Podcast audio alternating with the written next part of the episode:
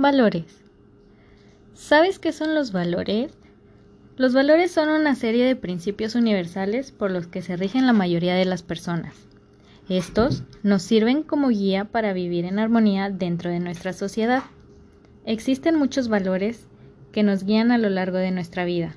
Algunos de ellos son bondad, sinceridad, empatía, amor, paciencia, gratitud, perdón, humildad, responsabilidad y solidaridad, por mencionar algunos.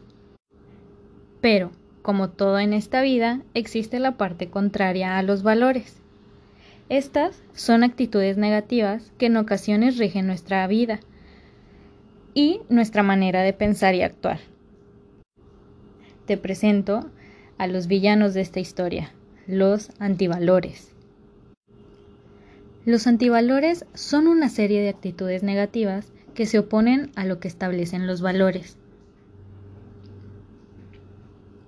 Son peligrosos, ya que atentan contra nuestra vida en sociedad, pues suponen una forma de actuar inadecuada e incorrecta.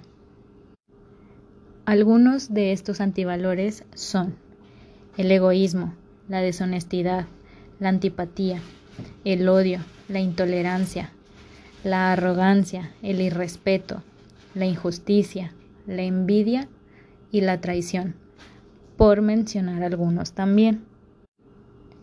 Tener una vida regida por antivalores tiene consecuencias, entre ellas convertirnos en personas negativas, frías e insensibles.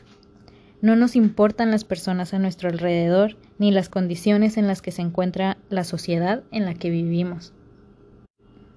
Imagina que estamos en una película de superhéroes, donde los valores son los que mantienen la armonía en nuestra sociedad, mientras que los antivalores son los que provocan el caos y la indiferencia.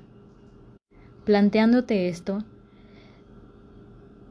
¿cómo es que te gustaría vivir tu vida? Siendo el superhéroe de la historia o el villano de la misma. Eduquémonos en valores. Universidad Emiliano Zapata.